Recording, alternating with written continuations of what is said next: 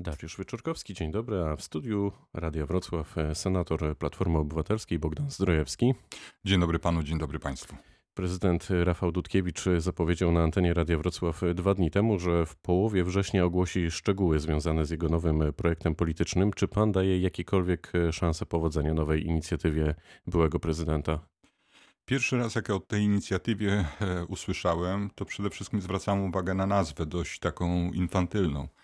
Natomiast wywiad, który Rafał Dudkiewicz udzielił ostatnio, mówiąc o tym, że będzie to przede wszystkim think tank, trochę zmieniła moje e, spojrzenie na ten projekt i powiem, że może być on cenny. To znaczy, jeżeli Rafał Dudkiewicz chce rzeczywiście rozmawiać o kwestiach e, miejskich, politycznych, regionalnych w grupie zawodowców, ekspertów i ma coś z tego wynikać, to trzeba trzymać kciuki.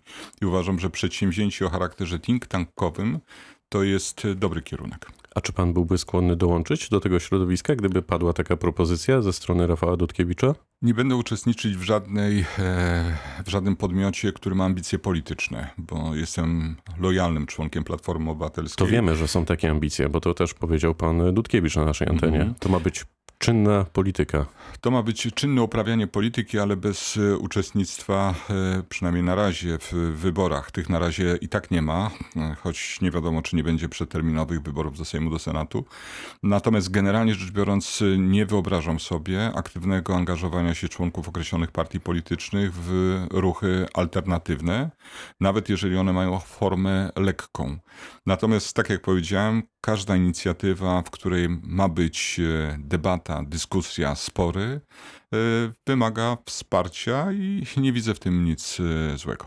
Czy Rafał Dudkiewicz takim ruchem chce namieszać się też trochę we wrocławskim ratuszu? No bo jednym z członków Nowej Nadziei jest wiceprezydent Wrocławia Adam Zawada. Myśli pan, że Jacek Sutryk, prezydent Wrocławia, przychylnie patrzy na taką działalność? Pan by sobie pozwolił na coś takiego? Tam, gdzie wszyscy myślą podobnie, nikt nie myśli zbyt wiele. Ja często to powtarzam, w związku z tym zawsze w moim otoczeniu były osoby niepokorne, osoby o e, innych zapatrywaniach na miasto. Ja to bardzo ceniłem. To znaczy, za każdym razem starałem się mieć krytyczny obraz proponowanych decyzji, bo im więcej się wie, tym mniej błędu się popełnia. Więc uważam, że e, jeżeli wokół Jacka Sutryka będą bardzo zróżnicowane postaci e, o różnych charakterach, różnych temperamentach, różnych doświadczeniach, to tym lepiej dla miasta. A ile prawdy jest y, w tym, że za chwilę może dojść do małego jednak trzęsienia ziemi kadrowego w ratuszu i wiceprezydenci mogą zostać wymienieni, na przykład y, prezydent Renata Granowska, bo rola wiceprezydentów y, we Wrocławiu jest praktycznie niezauważalna. Prezydent Jacek Sutryk wydaje się, że może rządzić miastem samodzielnie. Przyznam się, że bym się zdziwił, dlatego że Renata Granowska, pani wiceprezydent, e, chyba jest najlepiej oceniana i to nie tylko lokalnie. Ale, ale widzi pan efekty jej pracy tak na co tak, dzień? widzę, widzę. No przede wszystkim udało jej się pokonać poważny kryzys, e, w jaki zostały wprowadzone e, placówki szkolne kilka miesięcy temu, wtedy kiedy rząd podejmował decyzje o określonych restrykcjach.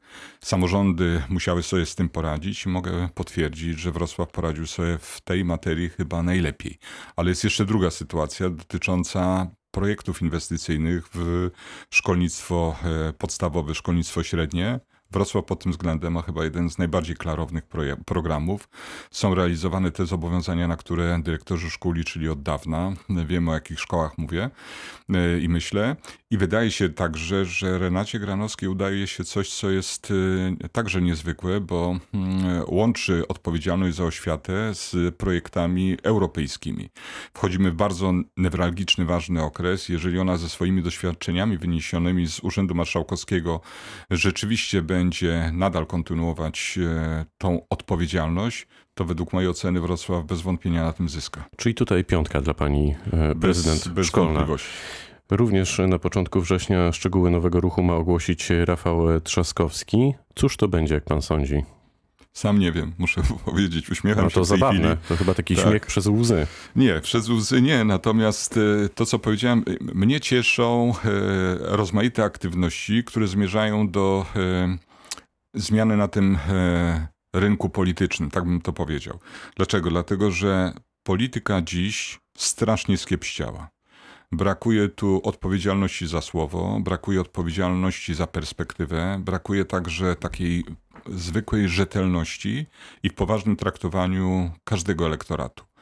W związku z tym wydaje się, że ruchy polityczne, które powstają w oparciu o określone doświadczenia, mają sens, choć dlatego się uśmiechnąłem, bo y, tego jest z jednej strony niby dużo, a z drugiej strony to bardzo często są efemerydy. Dziś na propozycję Rafała Trzaskowskiego patrzę przede wszystkim jak na taki ruch obrony samorządności. Y, słuszny ruch, dlatego że na samorządy spadło bardzo wiele ciężarów w związku z pandemią, bardzo duża odpowiedzialność e, przy bardzo niesprzyjających warunkach i okolicznościach. Ja trzymam kciuki za samorządowców, żeby sobie poradzili z tą sytuacją, bo to jest e, w interesie e, po prostu mieszkańców. Natomiast nie traktuję tego ruchu jako próby utrzymania tego 10-milionowego elektoratu. Trzeba pamiętać, że na te 10 milionów, które zagłosowało na Rafała Trzaskowskiego, zaledwie połowa to są sympatycy Platformy Obywatelskiej, a druga połowa to cała reszta antypis. Okej, okay, to, to zapytam inaczej. Czy ten ruch w ogóle jest konsultowany z politykami e, Platformy? Będzie tam miejsce dla polityków e, PO, czy, czy to będzie ruch e, właśnie tworzony przede wszystkim przez samorządowców? To będzie jakaś odnoga, to będzie coś równoległego? Jest konsultowany przede wszystkim z zarządem partii, a głównie z Borysem Budką. Borys Budka zresztą to ostatnio potwierdził. Natomiast nie wiem, jaki jest efekt tej konsultacji, bo jeżeli to ma być alternatywa, bezpartyjna alternatywa wobec nie tylko Platformy, ale opozycji, to taki ruch będzie bardzo wysokiej skali trudności. Natomiast jeżeli e, Rafałowi Trzaskowskiemu uda się pozyskać pasywnych e, graczy na, na tym rynku politycznym, pasywnych odbiorców także polityki, to dobrze, bo ja uważam, że każda aktywność obywatelska, służąca różnym oczywiście celom, jest, jest bezcenna. Rafał Trzaskowski, Pana zdaniem i w Pana ocenie jeszcze w ogóle utożsamia się z Platformą Obywatelską? Bez wątpienia. E, to jak rozumieć w takim razie takich e, dwóch liderów w tej chwili funkcjonujących w Platformie? Z jednej strony Borys Budka, z drugiej Rafał Trzaskowski. Już nie mówię, chociaż pewnie za chwilę o tym jeszcze e, powiemy, o byłych liderach, którzy też mam wrażenie chcieliby powrócić do szefowania. Jeżeli chodzi o ten duet... Jaki, jaki płynie komunikat dla wyborców Platformy? Jeżeli chodzi o ten duet, to on jest interesujący. To znaczy Borys Budka ma silny mandat, który uzyskał w wyborach na szefa Platformy Obywatelskiej. Z tego mandatu czerpie dziś jeszcze bardzo skromnie. Ja go zachęcam do bardziej radykalnych i szybszych ruchów. Na przykład? Zresztą na przykład, żeby e, podzielić e, się odpowiedzialnością. E, krótko mówiąc, ja uważam, że wybory szefa klubu dobrze, aby odbyły się w lutym, w marcu tego roku. Tak się nie stało. E, po wyborach prezydenckich, e, czyli w czerwcu, lipcu, tak też się nie stało, no to teraz y, we teraz wrześniu. Mówi się o wrześniu. Ale to już ostatni moment jest. To znaczy, to jest przykład oczywiście. Natomiast zmiany w platformie są potrzebne dość głębokie. Lifting nie wystarczy. E, uważam, że Borysa Budkę cały czas stać na to, żeby te zmiany dokonać, ale czas mu się kończy. To dlaczego, no właśnie, no dlaczego coraz częściej mówi się o tym, że w ogóle Borys Budka we wrześniu, gdy dojdzie do tego zarządu i spotkania, e, zrezygnuje? On zrezygnował y, y, dużo wcześniej. Przypomnę, że to są słowa Borysa Budki, który powiedział, że nie będzie łączyć funkcji szefa klubu i szefa partii. Natomiast ma też usprawiedliwienie, bo najpierw zdarzyła się e, ta dramatyczna sytuacja związana z pandemią. Potem zmienialiśmy kandydata na prezydenta z e, Małgorzaty Kidawy-Błońskiej na Rafała Trzaskowskiego. Wybory prezydenckie zostały przesunięte z maja na e, okres letni. No i mieliśmy sytuację taką, że weszliśmy w okres teraz y, króciutkiej wakacyjnej przerwy de facto, więc można powiedzieć, że usprawiedliwienie ma ale już za moment się skończy. W związku z tym, według mnie, wrzesień to jest jeden z ostatnich momentów na dokonanie nie tylko tej zmiany, ale rozpoczęcie kilku innych zmian, których Platformie potrzeba, jak tlenu. Na pewno zauważył pan też e, aktywność w ostatnich dniach e, Grzegorza e, Schetyny, który no jakoś tak w swoim stylu delikatnie, a czy stanowczo macha palcem i komentuje pewne wydarzenia związane z tym, co się dzieje w Platformie Obywatelskiej. Czy ma pan takie poczucie, że Grzegorz Schetyna, jak, jak to zwykle on, nie powiedział ostatniego słowa i też za chwilę nie wyskoczy trochę jak z kapelusza królik i po prostu będzie chciał jednak tę platformę na swoją stronę przeciągnąć, przynajmniej jej część? Powrót Grzegorza Schetyny na przewodniczącego Platformy dziś nie jest możliwy z różnych powodów. Wydaje mi się, że Grzegorz Schetyna też o tym wie.